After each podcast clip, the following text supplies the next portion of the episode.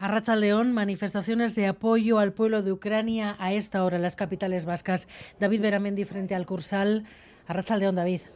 Arracha León, muy buenas tardes a todos. En efecto, a punto de arrancar aquí junto al Palacio Cursal la manifestación en apoyo al pueblo ucraniano que ha convocado la Asociación Ucrania Euskadi en todas las capitales vascas. Aquí eh, más de 100 personas os, os diría yo a punto ya de empezar con esta manifestación. Muchos de ellos son ucranianos con banderas de su país, muchísimas banderas y globos con los colores azul y amarillo y este principal deseo. Uf, pues esperemos que acabe todo pronto y agradecemos mucho a todo el mundo que nos está apoyando desde el principio de la guerra.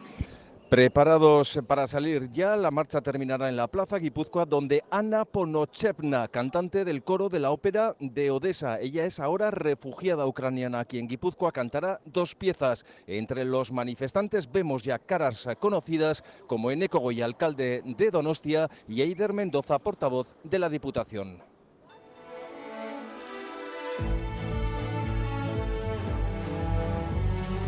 Gambara con Arancha García. Ucrania, año uno de la guerra y Zelensky ya no solo dice que su país ha resistido, puede ganar la guerra si los aliados cumplen. Si nuestros socios respetan todas sus promesas y fechas de entrega y no se quedan en el bla bla bla, que no creo que lo hagan, pienso que somos aliados fuertes y que hay pruebas de ello. Si a eso le unimos que podamos hacer todo nuestro importante trabajo en casa, nuestra victoria será inevitable. Pues si los aliados hacen lo que tienen, la victoria es inevitable. Zelensky que se ha dado un baño de reconocimiento ante la prensa internacional, abriendo además la puerta a China. Dani Álvarez, jefe de informativos de Radio Euskadi, Arrachaldeón. Arrachaldeón, Arancha. ¿Cómo ha sido esa comparecencia de Zelensky? Ha sido la comparecencia de un auténtico icono pop, alguien que domina la escena y la comunicación política. Mm, bien, es verdad que él viene de la televisión, incluso de hacer un programa semanal, pero lo de hoy eh, nadie lo esperaba. Cuando el primer aniversario de la invasión parecía que podía abrir una segunda ofensiva por parte de Rusia, no ha sido así. Cuando China ha presentado una propuesta de paz, lo que ha hecho Zelensky es tapar a todos y dominar de nuevo la escena. Hasta un periodista le ha pedido hacerse un selfie con él. Eso sí, las ideas muy claras, defensa de la integridad territorial de Ucrania y puerta abierta a la diplomacia. Veremos qué da de sí la propuesta de China.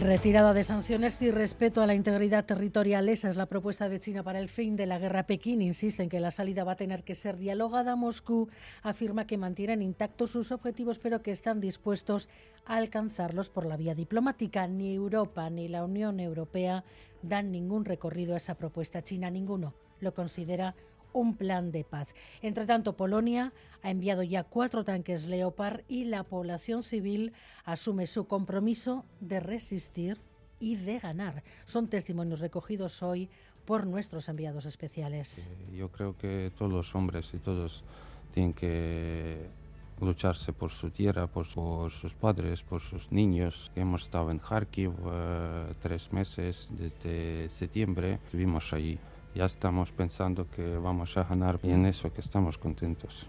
Y eh, la guerra eh, nos da no solo miedo, sino también mucha y mucha fuerza y experiencia. Este año nos uh, enseña muchas cosas. Uh, en primer lugar, es que nuestro país es la más importante cosa que tenemos.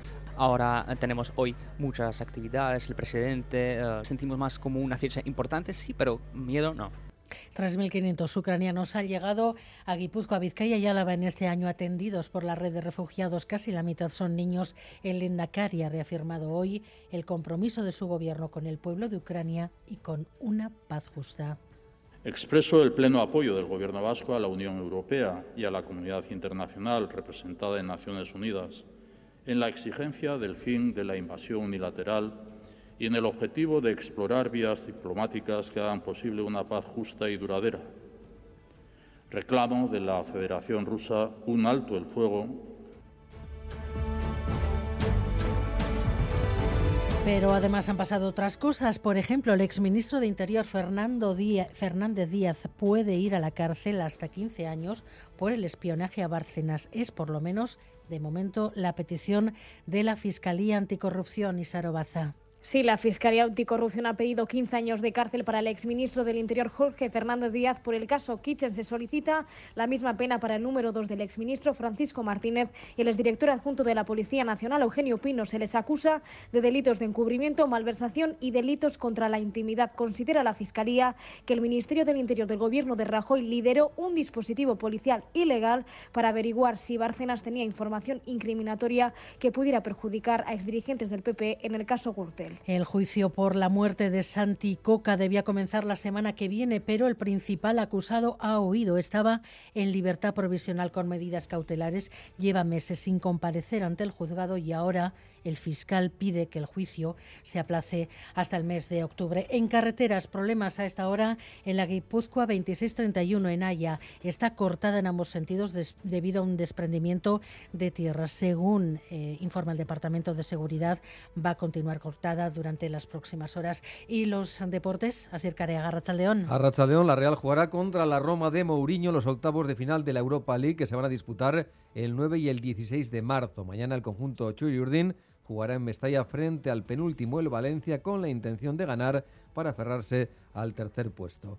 En segunda, las nueve Leibar, plagado de bajas, recibe al Villarreal B en Ipurúa. En la Euroliga de baloncesto, Vasconia visita a las ocho y media la cancha de la Virtus de Bolonia. En la Liga Sobal de balonmano, el Anaita recibe a las 8 al Granollers. Y en la última jornada del mano parejas, hoy en Zaya se enfrentan la Razabal Albisu con Altuna Tolosa. Temperaturas bajo cero generalizadas y nieve al nivel del mar, aunque no será mucha. Todo eso a partir del domingo. Maya Zabala. Sí, mañana amaneceremos con temperaturas muy bajas y heladas en muchas zonas del interior y de la costa de Guipúzcoa, pero eso sí, a lo largo del día las temperaturas irán subiendo y además será un día sin precipitaciones, por lo menos hasta última hora, por lo que será un día agradable. Pero ya el domingo las temperaturas y la cota de nieve irán descendiendo conforme va pasando el día y podría dejar incluso algo de nieve a nivel del mar. José Antonio Aranda, responsable de Euskalmet final del día sí que puede llegar a, cota de nieve a nivel de mar, ¿eh? a cota cero, a cota 100, a una cota relativamente baja. Pero también es verdad que eh, la precipitación que esperamos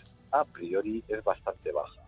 Por ello, Euskadi se mantendrá en aviso amarillo por heladas mañana y por nieve el domingo. Y de cara a la semana que viene seguiremos en la misma tónica y los primeros días de la semana serán fríos y con algo de precipitación, lo cual hará que nos olvidemos del tiempo primaveral, por lo menos durante los próximos días. Miguel Ortiz y Alberto Zubel están en la dirección técnica, Cristina Vázquez en la producción.